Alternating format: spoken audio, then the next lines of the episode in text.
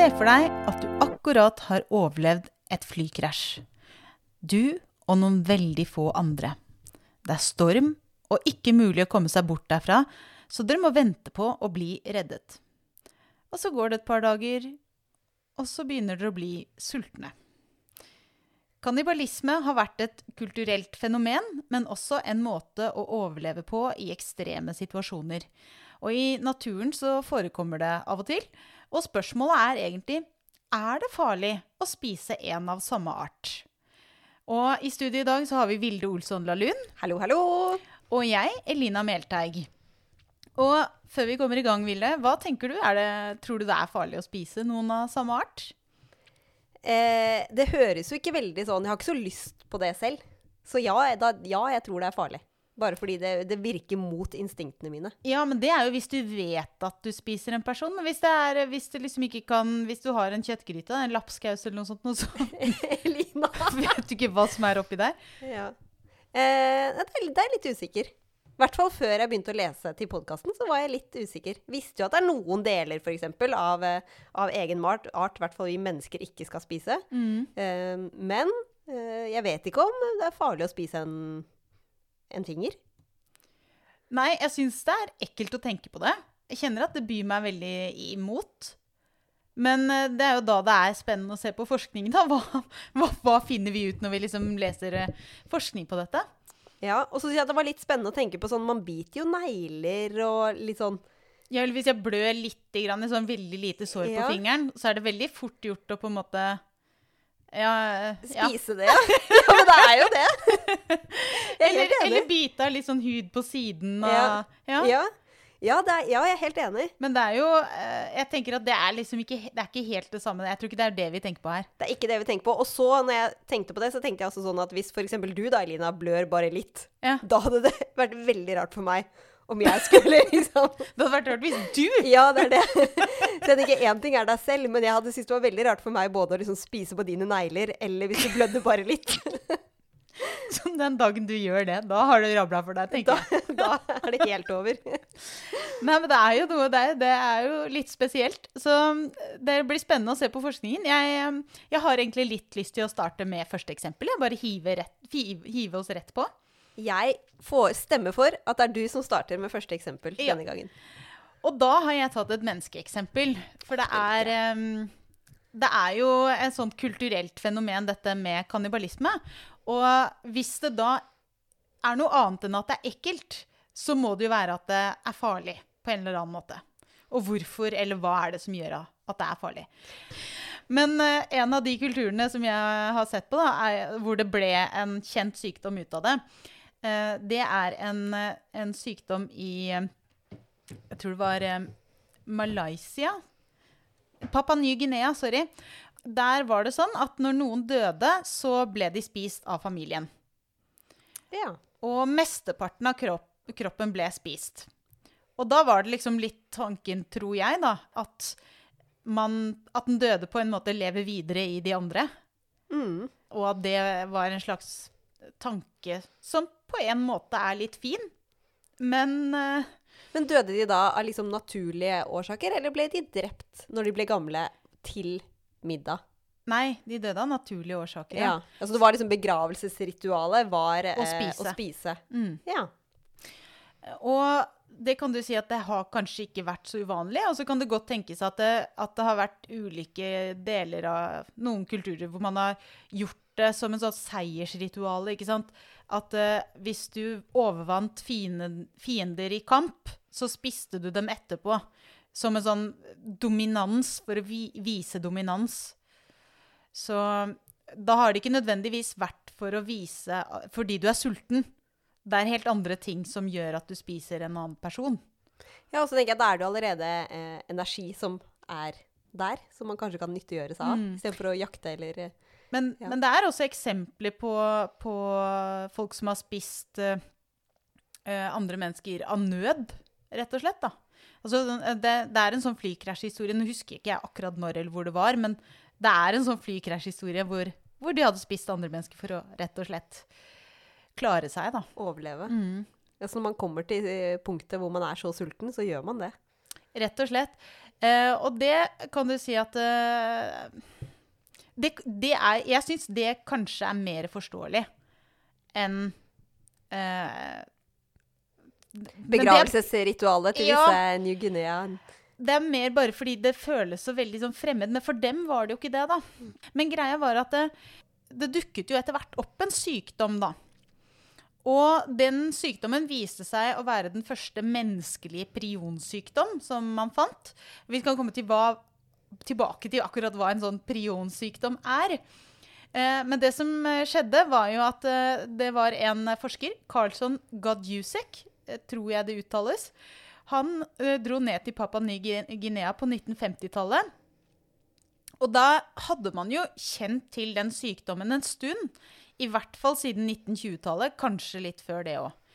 Og det er jo ikke så godt å si altså, Fordi at dette med de prionene en prio, Et prion er jo egentlig bare et protein som ikke har foldet seg på den riktige måten.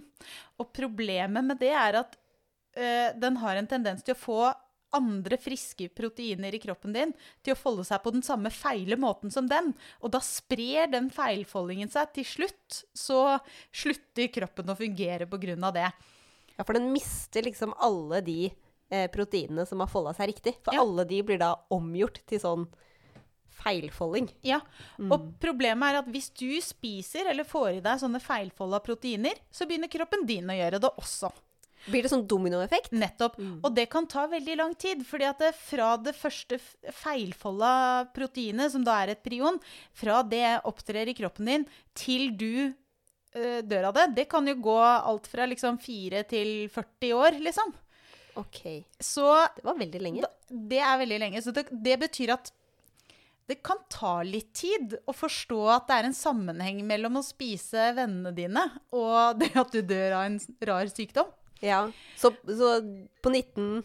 1950-tallet så, eh, så ble den sykdommen først beskrevet og satt i sammenheng med dette her, da. Men med prion og kannibalisme? Ja. Altså det, det de begynte å studere, var jo dette, den sykdommen. Og det de så, den rammet jo ikke alle i befolkningen. Den rammet ikke alle likt. Og det var først og fremst kvinner og barn som ble rammet. Og det var litt rart, for alle var jo med å spise bestemor, holdt jeg på å si. Um, og det var bare 2% av mennene som ble syke. Og så så de at eh, på det meste så var det jo omtrent 1% av befolkningen som døde av dette årlig. Så det, liksom, det gikk jo litt tid. Så det har jo spredd seg fra en eller annen person som ble dårlig rundt 1920 en gang, som fikk et sånt misfold av protein som kan ha oppstått helt av seg selv, men fordi de drev og spiste hverandre, så forplanta dette seg i befolkningen. Um, så i 1957 så var det jo over 2700 tilfeller av denne sykdommen, eh, som de har kalt for kuru. Og det starter jo med noen litt sånn generelle ting, da. Hva skjer? Det starter med at du får litt vondt i hodet. Å nei.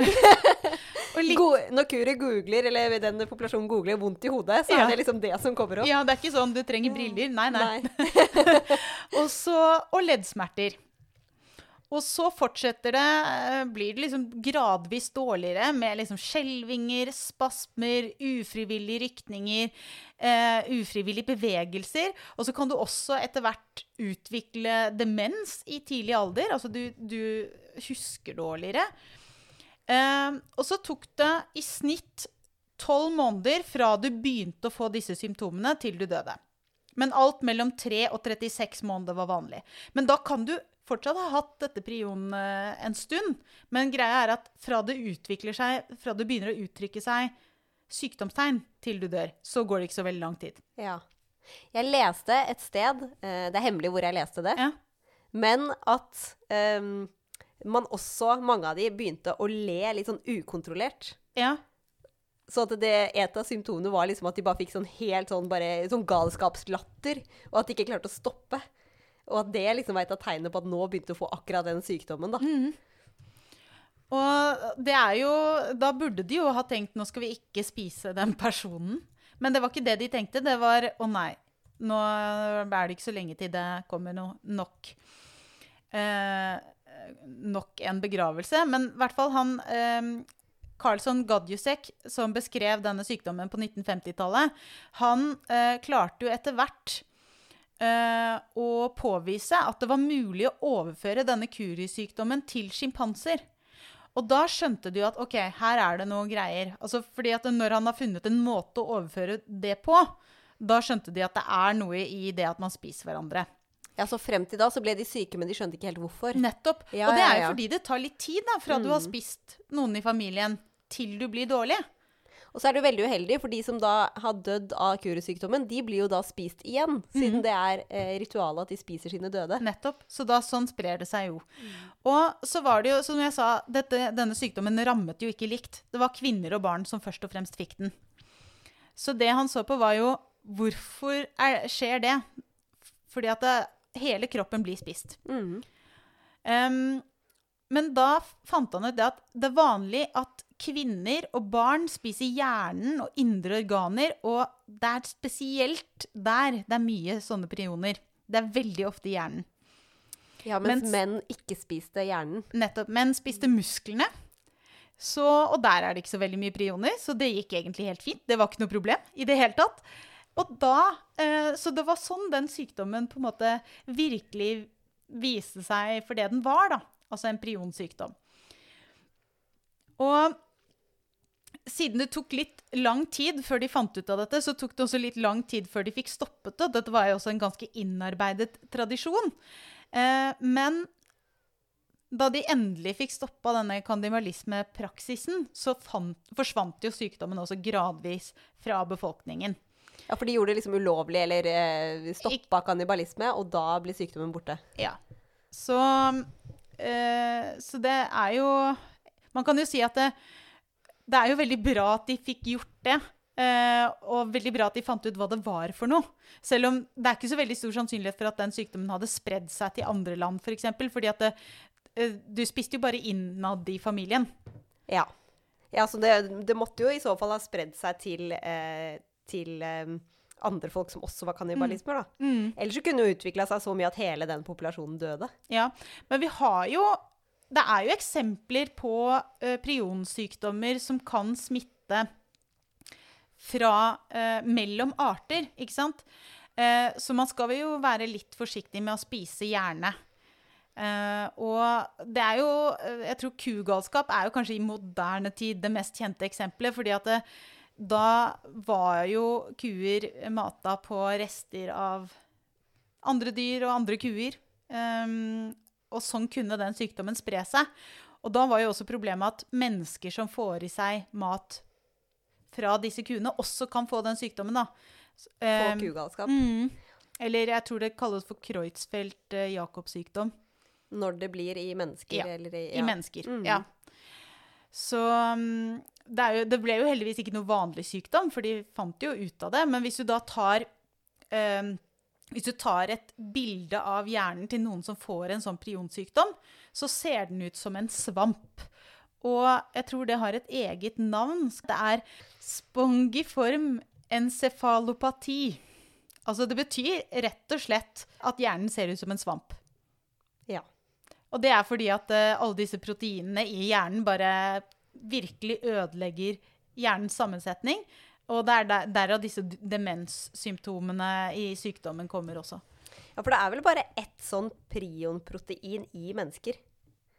Og det er det kuruproteinet. Ja, eller det Krøgsfeld-Jacobs-proteinet. Nei, i hvert fall, Som jeg har forstått det, så er det, eh, det er et prionkodende gen da, som Ja. koder da for et prionprotein. Ja. Og dette kan jo kanskje bli misfolda på forskjellige måter, det kan hende. Men når det misfoldes, og da liksom hoper seg opp og aggregerer, lager liksom aggregater i hjernen, eh, så får man da disse sykdommene. Mm. Det er derfor type Krøgsfeld-Jacobs syng- sykdom i mennesker og egentlig den kurisykdommen er, har ganske like symptomer. For det er liksom de samme strukturene det går på, da. Men det er jo flere typer sykdommer, da. Altså Kuru og Creutzfeldt-Jacobs sy- sykdom. Altså blant mennesker. Det er jo ikke de eneste. Men det fins andre, da. Men felles for disse er jo at det er sånne misfoldede proteiner som er utgangspunktet. Ja, ja, ja. Og så liksom hold deg unna å spise hjerne, så er du på en måte Good to go. Eller beinmarg. Eller beinmarg, ja. Men de ble jo Den gode nyheten er i hvert fall at de ble jo kvitt det. eh, når de sluttet å spise hverandre. Sånn at sånne prionsykdommer har jo på en måte en grei eh, hva skal jeg si, løsning. Ja, ikke få det i deg. Ikke sant? Ja, ja, på hva det kommer fra. Ja, ja. Men Elina, nå som vi er så godt inne på eh, prioner Mm. Jeg har lyst til å sni litt mer om prioner, og så har jeg veldig lyst til å gå over på mitt eksempel. Ja. For du kommer til å like det. Ja, OK. Jeg Ja. gleder meg. Ja, det. For det som jeg syns er litt spennende med prioner, som vi ikke har snakka så mye om, det er at de er veldig hardføre. Altså sykdomsproteinet som har blitt folda feil, det er veldig sterkt. Eller sånn sterkt, på en måte. Det er et, eh, det, Prionet har jo da blitt protein som har blitt folda feil. Og når det da er folda feil og begynt å danne aggregater, så er det veldig veldig vanskelig å bli kvitt det. Det tåler liksom høye temperaturer, det tåler UV-stråling, det tåler eh, Det kan ikke brytes ned av enzymer. Det er liksom Når du da har det i deg, så er det der. Det gir jo litt mening, det du sier, da. fordi at det, de som da har fått i seg kuru-kuru ved å spise hverandre, de har jo sannsynligvis tilberedt maten, altså varmebehandla den. Mm. Sannsynligvis, det vet jeg ikke, det sto det ikke noe om, men jeg antar det. Og så tenker jeg at det, den har jo da overlevd magesyre, som er det meste andre Det tar jo knekken på nesten alt, Mm. fordi det er så surt. Så det gir jo mening at det skal være Det skal tåle ganske mye, da. Det er jo litt dårlige nyheter, egentlig. Det er litt dårlige nyheter, egentlig. Men eh, som sagt, det er bare å unngå å spise det, så slipper man jo å få det. Men disse prionproteinene, eller de proteinene som blir prioner, i hvert fall i denne kuresykdommen, når de ikke er syke For ikke sant, du har jo egentlig de friske variantene i, i eh, kroppen din fra før av, og de trenger du jo. Og de friske eh, variantene de finner man masse sånn rundt nerveceller i hjernen og sånn. Det er liksom der de gjør jobben sin. Og du kan finne de i andre strukturer, som f.eks. i morkaka. Der er det masse av disse friske proteinene. Og også i da, eh, beinmargen. Og de syke prionproteinene, som da liksom forvandler seg og gjør de friske proteinene slemme, de vil jo da hope seg opp de samme stedene. Ja, nettopp. Og det er det som er problemet, at når du da får liksom en haug av egentlig da slemme prionproteiner som hoper seg opp i hjernen, så klarer, og rundt liksom f.eks. nerveceller, så ødelegger det og dreper da, bryter ned nervecellene. For de klarer, for det første mangler de jo de friske proteinene, og de får altfor mye av de slemme. Og det forklarer jo disse spasmene og ufrivillige rykningene og, og ja, at hjernen ser ut som en svamp, da. Ja, for det hoper seg opp i, i, i hjernen, og så bare bryter det det nervesnellene litt etter litt, og da får du bokstavelig talt svære hulerom i hjernen din av liksom nerveceller som mangler fordi de har blitt brutte, fordi det er for mange sånne prionproteiner slemme som har liksom hopa seg sammen. Jeg syns det er så vanskelig å forestille meg eh, Ja, nei, det er en ganske brutal måte å, å dø på, tenker jeg, da. Ja, og at da noen av liksom, eh, hjernefunksjonene dine slutter å funke, det gir jo da veldig mening. Jeg, jeg, tror- jeg tenker at det er noe av det verste Ja, nei, jeg syns det, det er helt grusomt å tenke på. Jeg ville helst uh, slutte å tenke på det. Så fort som mulig. Kan du ikke bare ta eksempelet ditt? Ja, for det var det jeg lurer på. Lurer du nå på hvorfor jeg kan så mye om kuresykdommen, Elina? Ja! Fordi mitt eksempel handler også om kurusykdommen. Men det handler Det er ikke det samme som det, for du er ferdig med ditt eksempel nå. Nå er jeg ferdig, ja.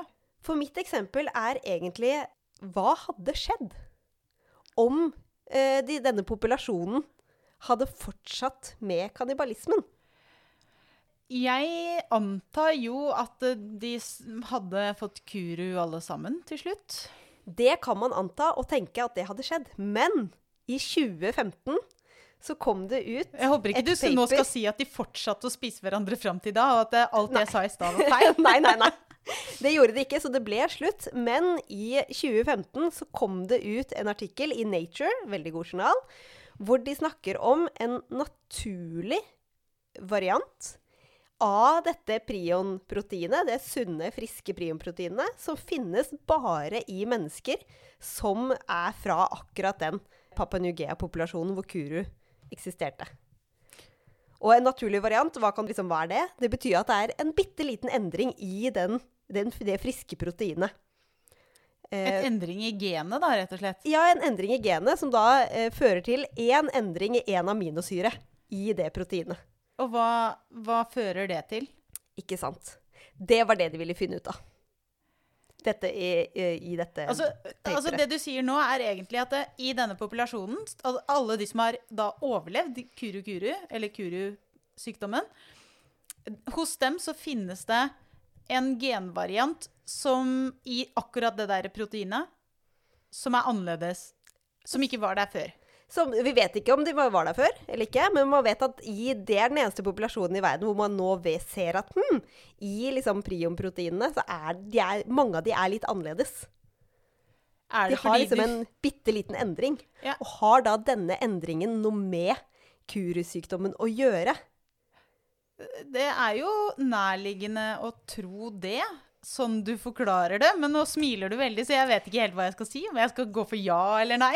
Ja, for jeg, det jeg også skal si, var at de forskerne eh, fant jo ut at mange av de personene eh, som hadde denne varianten, hadde også vært kjempeaktive i kannibalismen. Så de hadde også spist masse hjerne, kvinner og barn, da. Så hvis du har et lite barn som da har spist masse hjerne eh, før det ble forbudt, altså før 1950, men de har overlevd, og de har klart seg, og sammen liksom eh, Hvis du ser på hva som er liksom, egenskapen disse har, da, som har egentlig klart seg og ikke fått eh, prionsykdommer, så er det at mange av de hadde denne varianten. Så det forskerne ville finne ut av, var er denne ene aminosyreendringen Og det er en aminosyre som er fra et glysin til en valin. Så for alle som ikke er veldig glad i proteiner og aminosyre, sier det ingenting. Men det er liksom en ganske liten endring på et helt spesielt sted i proteinet. En? Det, det, det er potensielt, Hvis du hører på DNA-episoden vår, så kan du tenke at det er ett sånt basepar forskjell, kanskje. Ja. Ja. Som fører til én annen aminosyre. Og har det, vil dette da føre til at man er mer resistent og mot Ja, hvordan tester de det? Er det sånn eh, Ja, nå kan dere spise hverandre litt igjen? Eller hva, hva, gjorde, hva gjorde de for å finne ut av det? Det kunne det vært. Men det disse forskerne gjorde, det er at man har jo forska mye på prionsykdommer, men da gjerne i mus. Og mus har jo egentlig sin egen variant av eh, priongenet, som gir dems kuru-variant, på en måte. Men det fins mus som ikke har dette eh, genet i det hele tatt. Eller det genet er helt ødelagt. Så de er da liksom mutante og har ikke dette prion-genet.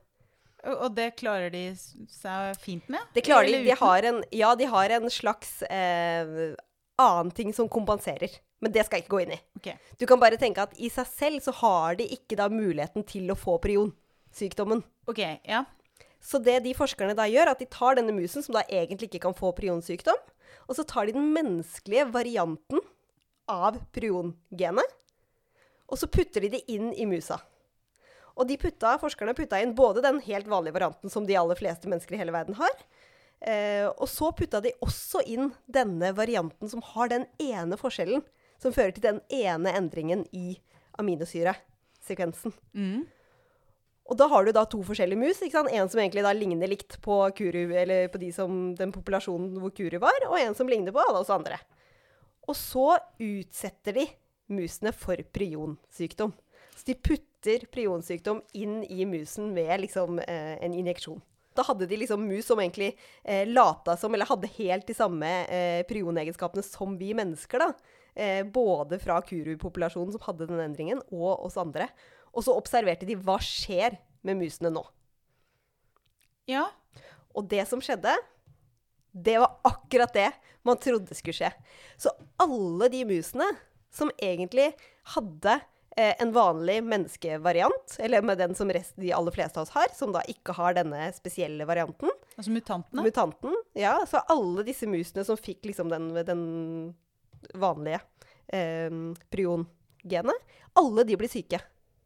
Alle de fikk prionsykdommen når de da ble liksom injokulert, eller fikk prionsykdommen inn i blodet sitt. Altså de vanlige musene ble syke. Ja. Og mutantene, da? Det er også de musene som hadde fått eh, kuru-mutantgenet, Mutantgenet? som har én annen aminosyre, de ble ikke syke.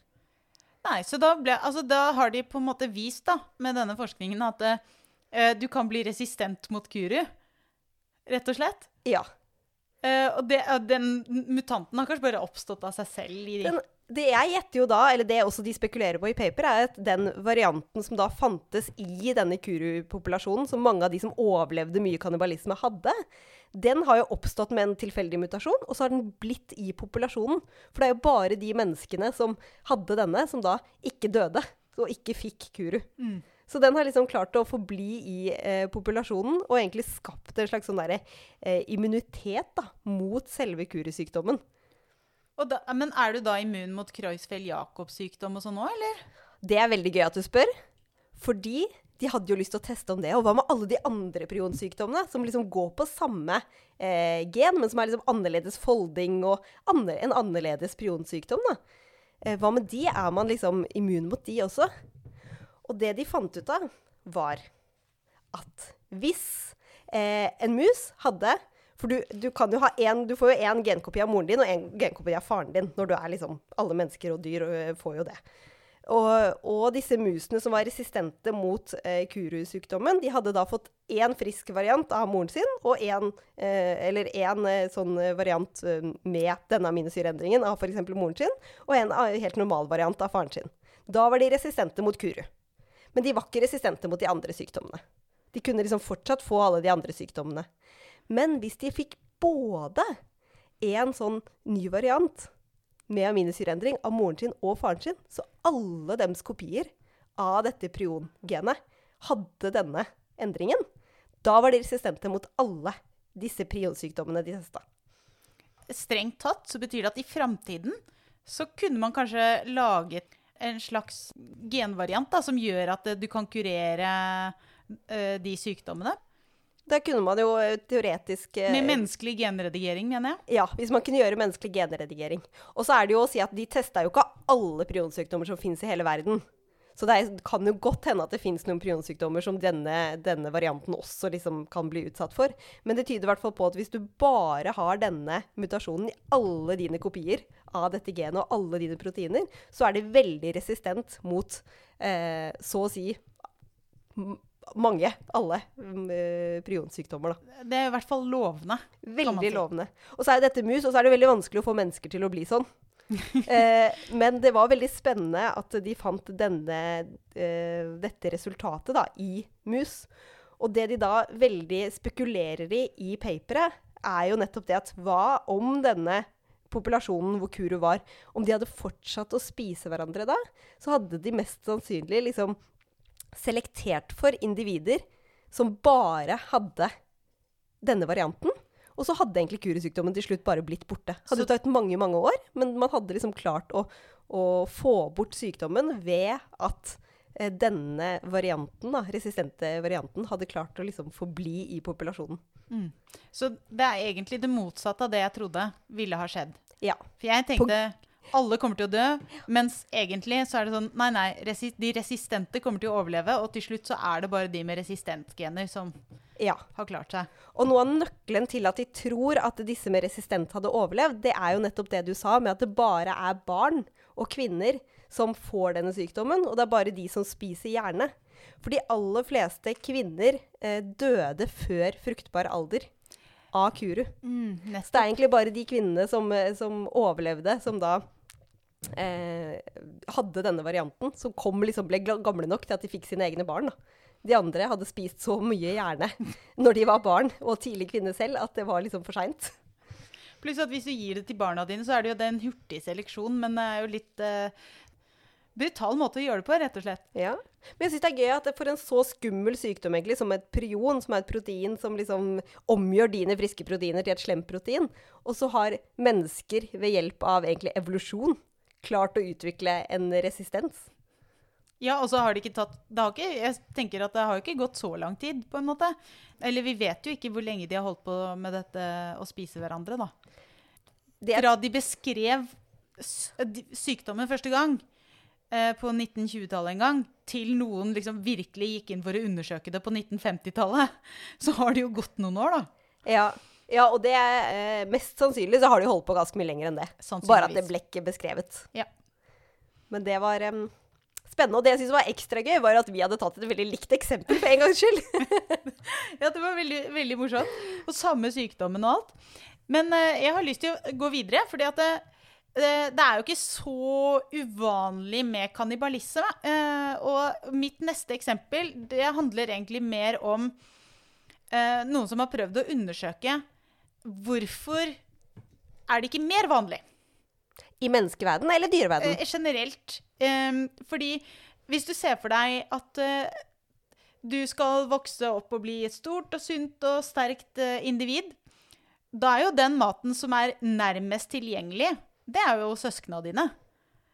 Jeg er minst. Ja, ikke sant? Du ville blitt pist. OK. Er, er du eldst eller yngst? Jeg er eldst, Ja, ja. du er eldst, ja. Det er derfor du sier dette. Så um, For det er jo på en måte Altså, det er two in one. Det er en, en veldig eh, hendig, nær eh, næringskilde. eh, kortreist mat. Og så er det mindre konkurranse om ressursene. Som, og da er jo foreldre på en måte en ressurs, da. Men jeg føler at vi er litt over i dyreriket her. Men Vi er litt over i Vi er dyreriket. Vi- dyrerike, ja. Vi snakker fortsatt om kannibalisme, men, men ikke, om, eh, ikke om menneskelig eh, kannibalisme. Det er Nei. mer en sånn eh, ren eh, evolusjon. Så, så kan man jo stille seg spørsmålet da Hvorfor skjer ikke dette hele tiden? I dyreverden, liksom. Ja, hvorfor skjer det ikke? Nei, eh, altså De har en hypotese om at dette er fordi at den du spiser, det er jo da en pers... Ikke person. Eh, et dyr. Dyr. Et dyr som du, hvis du spiser en av samme art, da, så deler du veldig mange gener med byttet eller offeret. Og det betyr at du kan få veldig mange av de samme sykdommene. Og jo nærmere beslektet du er med den du spiser, altså hvis du da faktisk hadde spist li lillebror, så hadde du hatt veldig, veldig, veldig mange av de samme genene. Og veldig mange av de samme svakhetene. Ja, så hvis da lillebror har en sykdom, så sånn hvert fall eh, Så ville du sannsynligvis også vært svak for det samme. Ja. Og det, det hadde de da lyst til å teste. Om det på en måte er en slags sånn Den svakheten der, da, om det gjør at det er en slags buffer mot kannibalisme. At det er litt innebygd at hvis du kan spise noe annet, så spiser du ikke slekta. ja. De med samme gene... Nettopp. Ja, for jeg tenker det med sykdommer Vi tenker jo ikke da Eller det er jo ikke bare da sykdommer som du kan få inni deg, sånn med kreft, liksom. Nei. Det er jo mer sånne sykdommer som bakterier og virus, og, som sitter liksom utapå kroppen eller infiserer deg, som da bare går rett over og tar eh, Ja, og, og da, de har nok ikke tatt utgangspunkt i prionsykdommer, men de har jo tatt Det er mer sånne parasitter og den typen ting. ja, som bendelorm, og det hadde bare gått eh, glidd rett over. Ja. Mm. Eh, Det er egentlig et perfekt eksempel. Er det det? Ja. Det er så gøy. Eh, Men eh, det de forsket på, da, er en art hvor, hvor det ikke er så veldig uvanlig at de spiser hverandre. Hvor det har vært observert ved, ved ulike anledninger. Og så da, da tenkte de da, ok, men da, siden denne har en slags sånn naturlig eh, kannibalisme, så trenger vi da, da, er det, da er det greit å ta den som på en måte av og til gjør det fra før, da. Eh, og det er en tigersalamander. Eh, Ambistoma tigrinum. Eh, og der er det sånn at På larvestadiet deres så har de en tendens til å spise hverandre. Ikke så veldig mye som voksne, men veldig ofte som, som larver. Og da, det de ville se, var eh, hva skjer hvis vi, eh, hvis vi mater dem med både friske og syke artsfrender, og eh, friske og syke varianter av en annen art, eh, en annen salamanderart som heter eh, A. texanum. Eh, for da har de litt mer annerledes gener. Eh, og det de så, det var jo at kannibalene, altså de som spiste døde artsfrender, de hadde mindre sjanse for å overleve til voksenstadiet enn de som spiste andre arter. Så, og det var jo rett og slett fordi at da, fikk, da overførte du en del av sykdommen. Hvis du spiste en artsfrende som hadde en sykdom, da var det veldig mye mer sannsynlig at du fikk den. Ja, enn hvis du spiste sykere. en av en annen art som hadde en sykdom. Fordi den sykdommen smitter ikke nødvendigvis over på deg. Ja. Men de aller fleste som da spiste en syk eh, artsfriend, de fikk liksom samme sykdom. Eh, og uh, det viste seg da at når disse larvene fikk velge, da tok de en annen art enn sin egen. Så hvis de ikke fordi i eksempelet først så ble du presentert for bare én valgmulighet. Og da spiser du det, da. Da spiser du det du får. Men når de fikk velge, da valgte de konsekvent den andre arten. Ja. så det er noe innebygd med at man ønsker egentlig å spise eh, en annen art enn seg selv. Ikke I sant? hvert fall for salamanderlarvene. Ja. Og da mente de at det er egentlig en god forklaring på at, dette med overføring av det man kaller patogener, altså parasitter, bakterier, sykdommer av ulike slag, det er, det er faktisk en ganske stor risiko ved kannibalisme. Og det er med på å forklare hvorfor det er, liksom, det er litt mer siste utvei enn det vi tror. Um, og så kan man si at ok, men dette er jo ganske vanlig allikevel, da. Eh, så prøvde de å se på okay, hva er det som gjør at, uh, at det likevel er en fordel, siden det er så vanlig. Uh, og noe av grunnen um, er at omgivelsene den arten vokser opp i, er så uh, utsatt for tørke, f.eks. Altså omgivelsene kan rett og slett skifte veldig fort. Så de kan ikke koste på seg å være i det larvestadiet så veldig lenge. De må bli voksne fort. Og da er det bare om å gjøre å vokse så fort som mulig. Eh, sånn at i tilfelle den dammen tørker inn, så har du rukket å, å bli voksen. Så det er bedre å bli voksen, og da er man villig til å risikere å bli syk. Fordi syk, det kan du bli frisk av. Ja. Men eh, å, å ikke i. bli voksen, det kan du ikke bli frisk av. Nettopp. Mm. Så når man ser på liksom kost-nytte, så så man at ok, risiko eh, ved kannibalisme er veldig stor, men den er verdt det i forhold til at alternativet på en måte er at du dør, da. Det gir jo veldig mening når man forklarer det på den måten. Det gir veldig mening, og da skjønner man jo hvorfor, hvorfor det skjer, og hvorfor det er såpass vanlig. Eh, og og de, de har en hypotese nå om at ok, de stedene hvor kannibalisme vanlig, er vanlig, er nettopp hvor, eh, hvor nytten overvinner kostnaden med denne patogenoverføringen, den risikoen det er. Så det var egentlig eksempelet mitt, som liksom prøver å forklare litt sånn i det store og det hele. Hvorfor, eh, hvorfor er det ikke overalt? Hvorfor gjør man det ikke hele tiden? Mm. Og det forklarer jo også fint eh, egentlig det du snakka om i starten med flyeksempelet. Mm. At det er mye bedre Eller når, du, når det er siste utvei, da går det jo for kannibalisme. Når det er enten å spise dine arts, eh, samme art eller dø, Mm. så gjør du selvfølgelig det. Men hvis du kan velge, så velger du noe annet. Ja. Så det er siste utvei. Men så du, siste spørsmål til paperet, så de på hvor syke de som spiste sin egen art som var syk, mot de som spiste den andre arten som var syk? Hvor stor forskjell det var i antall som ble syke? Ja, altså Det de så, var at 42% av de kannibalene eh, al- Av de som spiste samme art, de døde før de kom ut av larvestadiet. Så 42% det er ganske mye. Mm. Eh, det var i hvert fall sånn at det var en ekstremt stor kostnad ved å spise samme, eh, de av samme art. Ja.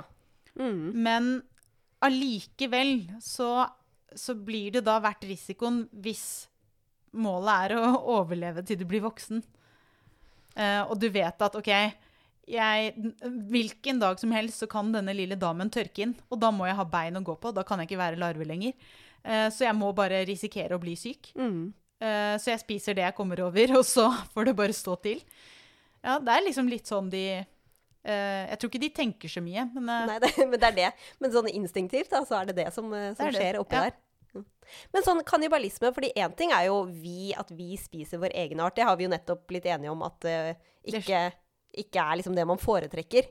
Uh, men Eline, hadde du vært komfortabel med å spise en art som gjorde kannibalisme? Så du visste at du liksom spiste en kannibal til middag? Selv om det ikke var et menneske, men si at det var en uh, fisk, f.eks.? Altså Når jeg tenker meg om, så altså, Hvis vi tenker på denne kugalskapen, eksempel, da, så hadde de jo drevet Det var jo problemet. De hadde jo drevet og fòret kuer med kuer. Så vi har jo antagelig gjort det uten å Ja, men det var jo før, og nå vet man jo om kugalskap. Men hva med i dag, hvis jeg liksom fortalte deg at middagen din i går Du spiste en, kan, en kannibal til middag? Jeg syns det er litt ekkelt. Hva spiste du til middag i går? Kan jeg spørre om det? Eh, I går spiste jeg uh, ferdigmat. Det var noe sånn derre kylling tikka masala Ok, Så det var ikke det jeg håpa du hadde spist til middag i går. jeg håpa, Eline, at du hadde spist torsk. Ja, det kunne jo fort ha skjedd. Det Men hva, hva, hvor er torsken uh, kannibal? Ja. Æsj. Torsken er kannibal, og vi spiser jo eh, mye torsk i Norge. Nå skal ikke jeg si at akkurat den torsken som eh, man spiser, er har spist eh, andre torsk. Men torsk som en art er eh, kannibaler. De spiser eh, egne. Ja. Og Og da det- er det, eh, er det litt sånn larvestadiehypotese der òg, eller? Nei, hypotesen her er vel egentlig at det er ganske vanlig for fisk, faktisk, å spise eh, eh, Å spise ja, samme Men- art. Det er mer vanlig, tror jeg, for fisk enn det er for andre arter. Når du sier det, Vilde Jeg husker det var noen som hadde sånne sorte små fisk i akvarium, og de fikk jo av og til barn. Og da var det sånn at det var veldig viktig å også ha de barnefiskene i et sånt annet nett liksom inni akvariet, et annet sted i akvariet. fordi at hvis ikke så ble de spist av foreldrene. Ja.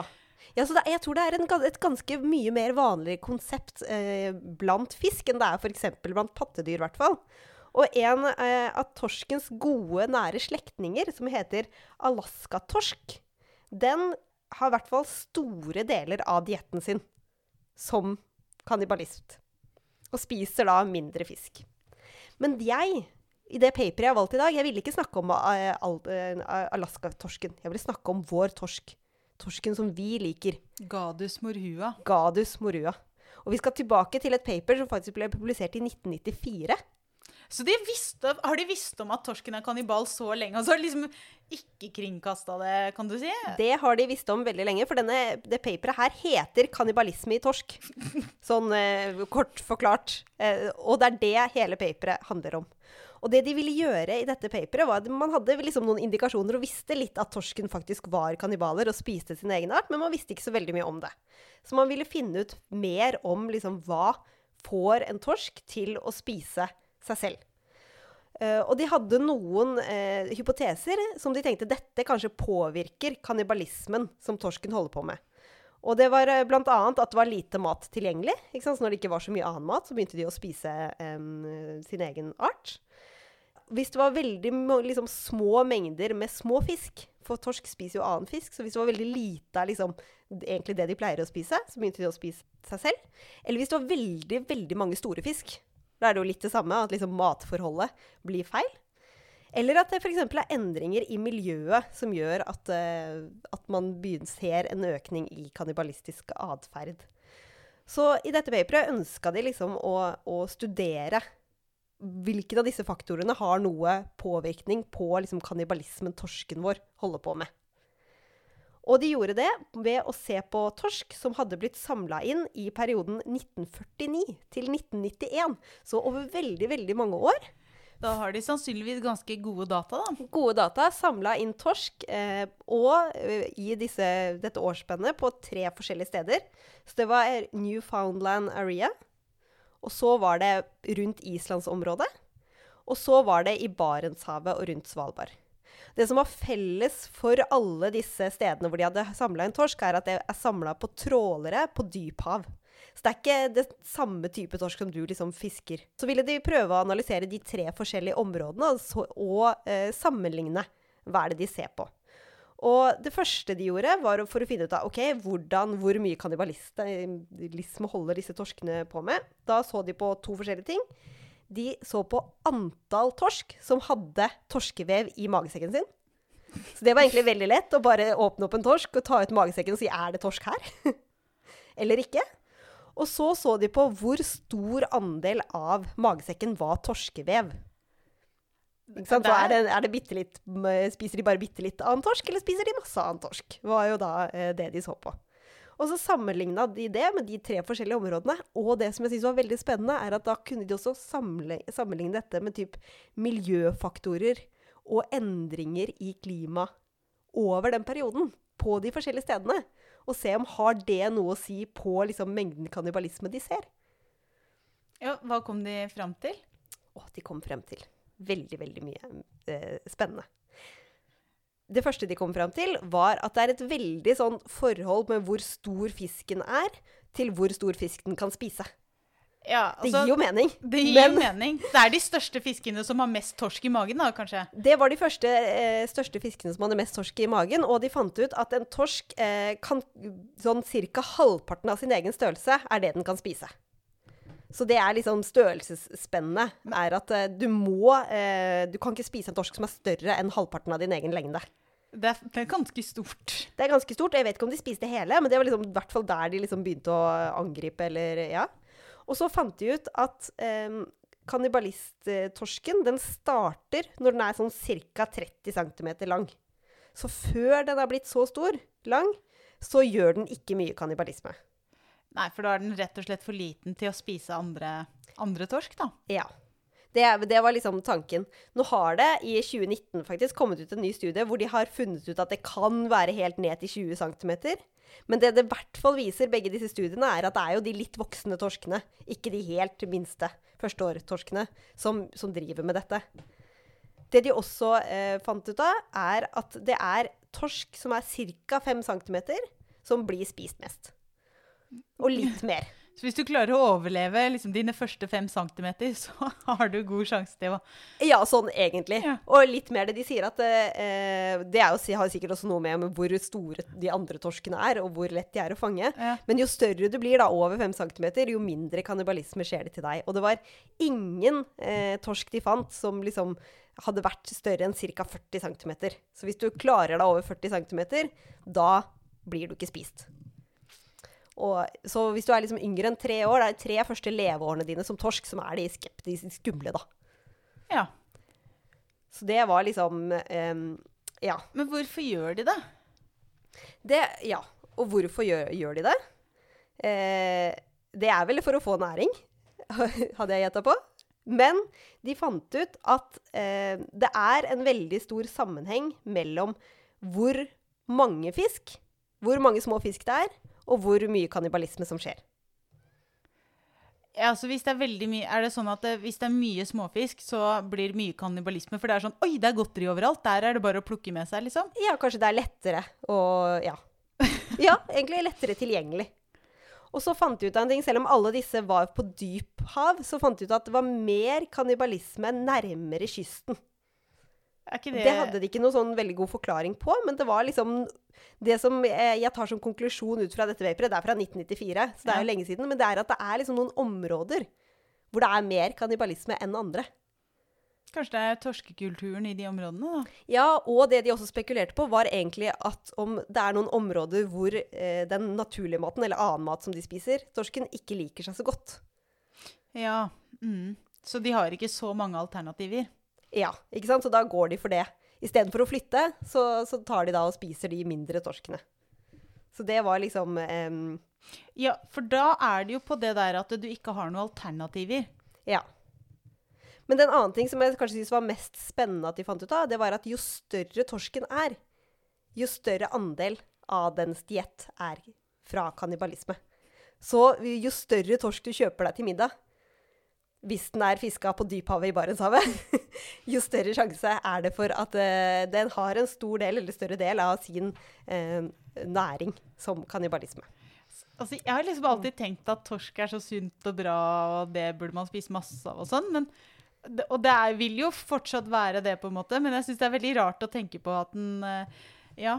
eh, rett og slett fordi jeg selv syns at kannibalisme er såpass ekkelt at eh, det, Jeg har liksom ikke Det frister ikke. Det frister ikke, men jeg tror hvis han skal gjette at det er forskjell på den eh, kysttorsken og den torsken vi kjøper fra, i butikken, da. Men hvis du drar ut på dyphavet og får en torsk, så er den mest sannsynlig Har det skjedd kannibalisme i den. Lurer på hvor vanlig det er, jeg. Blant liksom de artene vi spiser. Vi spiser. Det vet jeg ikke, men de sa at uh, det er ikke sånn at selv de største torskene, at de bare uh, har næring som kannibalisme. Jeg tror de, det var eh, litt forskjellige tall, men, men under 50% selv for de største, som har mest kannibalisme, kommer liksom fra torsk. Eh, torskediett. Sånn at eh, Men eh, jeg syns det var ganske spennende å tenke på at det er en helt vanlig ting blant torsken, at de faktisk driver med kannibalisme. Og i hvert fall ut ifra dette vaperet fra 1994, så er, er, det ikke noe, går det ikke utover helsa deres på samme måte som det kanskje hadde gjort for oss mennesker, da, om vi spiser eh, Altså, det kan jo tenkes Da har de da ikke skrevet det antagelig i den artikkelen, men det kan jo tenkes at de, de kanskje har gjort dette en stund, og at det derfor er eh, At de har en eller annen mekanisme for å motvirke dette med parasitter og eh, prionsykdommer og sånne ting. Altså, fordi da er det jo Hvis du har ut Hvis evolusjonen har gjort at, at det du spiser, det er eh, de av samme art, så er det jo veldig sannsynlig at de som overlever, det er de som tåler det. Ja. Og da er det jo veldig sannsynlig også at det, at det er mekanismer som, som gjør at det, det funker, da. Ja, det Ja. Og jeg vet ikke engang om det er prionsykdommer i torsk. Jeg hadde kanskje tenkt eh, Det er ikke sikkert det er det. Det vet jeg ikke. Nei. Sånn at eh, det, det mm, skriver de ikke noe konkret om i paperet, men de skriver at det ser ikke ut som at det går noe utover torsken. At den driver med dette. Uh, og det morsomste kanskje med hele dette, denne artikkelen er helt, helt på slutten av alle sånne vitenskapelige artikler, så er det liksom acknowledgements. Hvor de typ takker Hvor man takker folk som har hjulpet til, eller man takker ofte de som har liksom kommet med penger for forskningen, eller Ja, det gjør man. Og i dette paperet så takker de også noe. Vet du hva de takker? Uh, nei. De takker eh, for ubeskrivelig god hjelp fra e-post.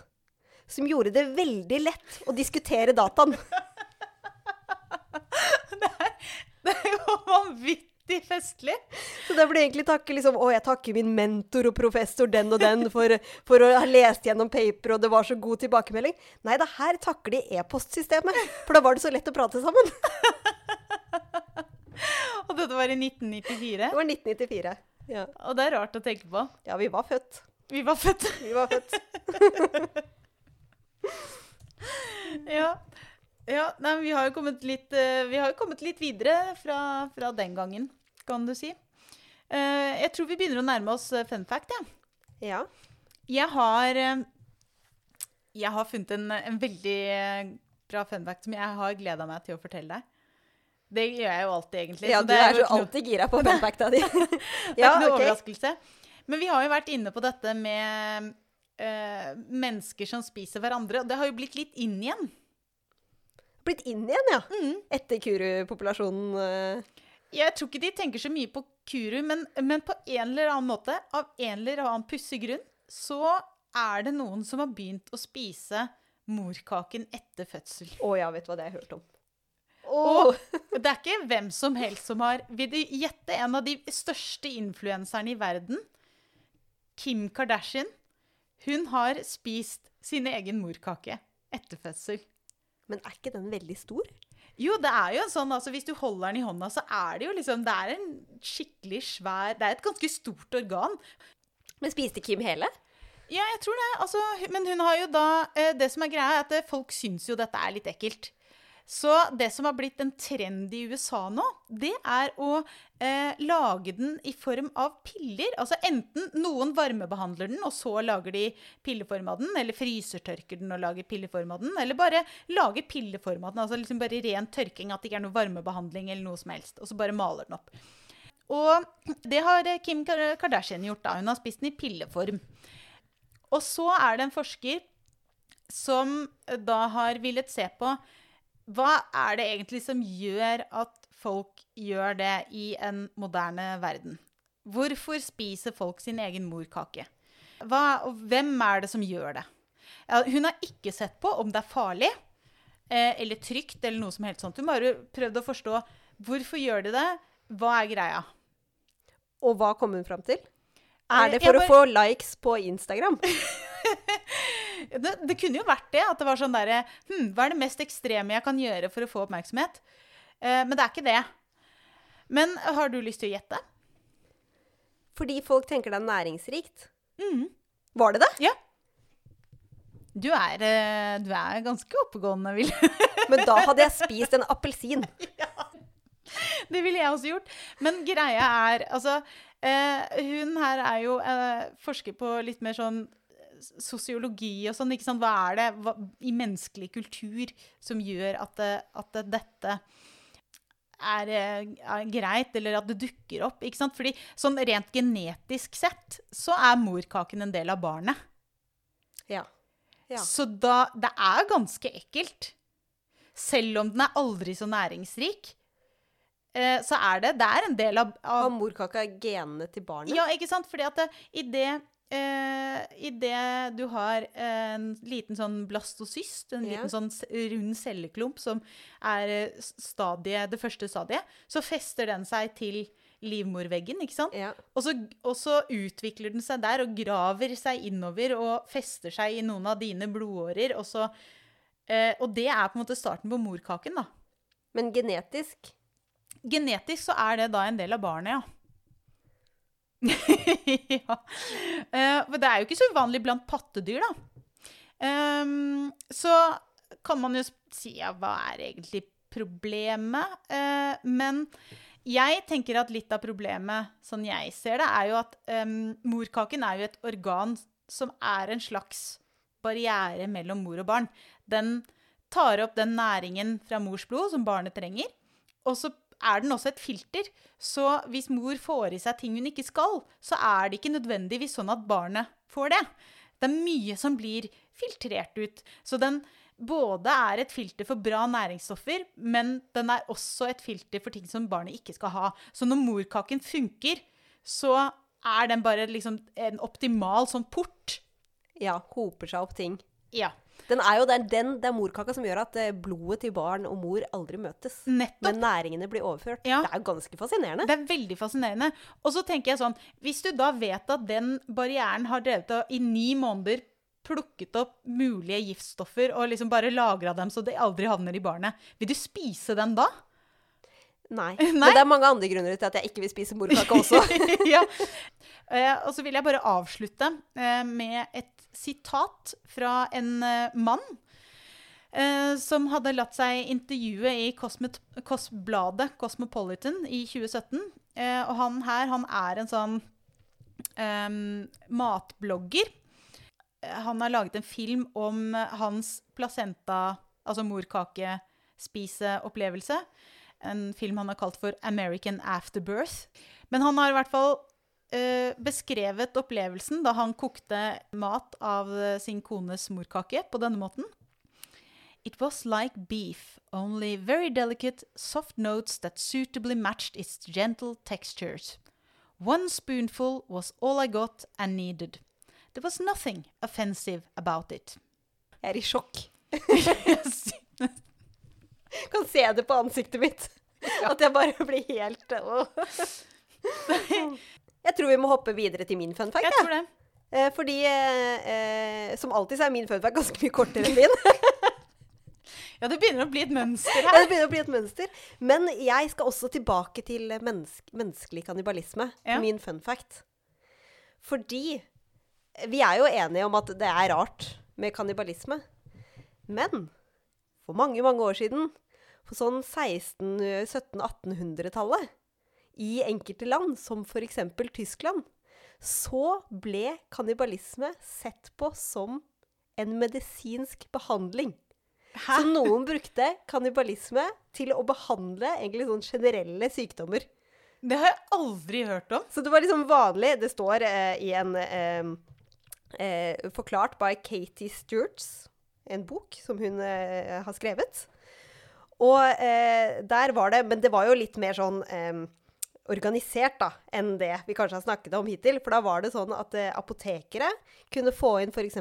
bein, og så kunne de eh, knuse de og lage pulver av de, og så blande de i noe, og så kunne de gi ut det og behandle det for f.eks. epilepsi.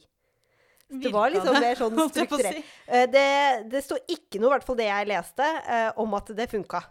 Men det var jo liksom den alternative behandlingen man hadde, da, og tenkte at det, det var sikkert lurt. Så da var liksom deler av uh, kroppen kunne da selges til apotekere, som da brukte de på en helt spesiell uh, måte, og solgte de som medisin.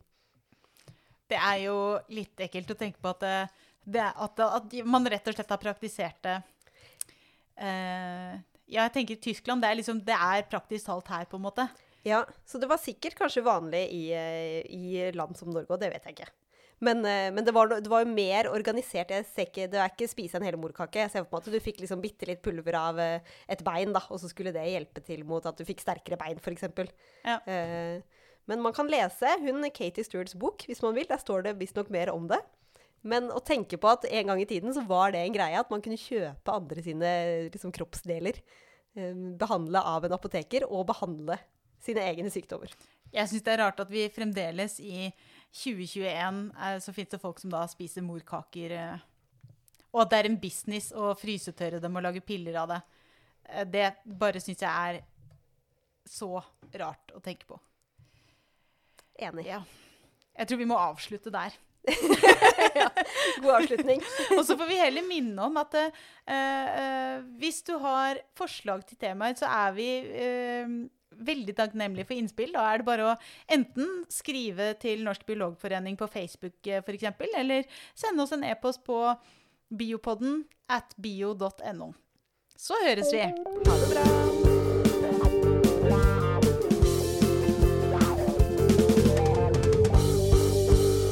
Du har nå hørt Biopodden med Vilde Olsson Lahlun og Elina Melteig. Og med på laget har vi også Torborg Galtland, daglig leder i Norsk biologforening. Musikken du hørte, er laget av biologibandet Overgump, som består av Even Sletteng Garvang, Markus Fjelle, Erik Møller, Mathias Kirkeby og Audun Rugstad. Fortell gjerne om podkasten til venner og kjente, og gi oss tips og tilbakemeldinger på e-posten biopodden alfakrøllbio.no. Og så er du hjertelig velkommen til å støtte oss ved å bli medlem av Norsk biologforening. Vi høres.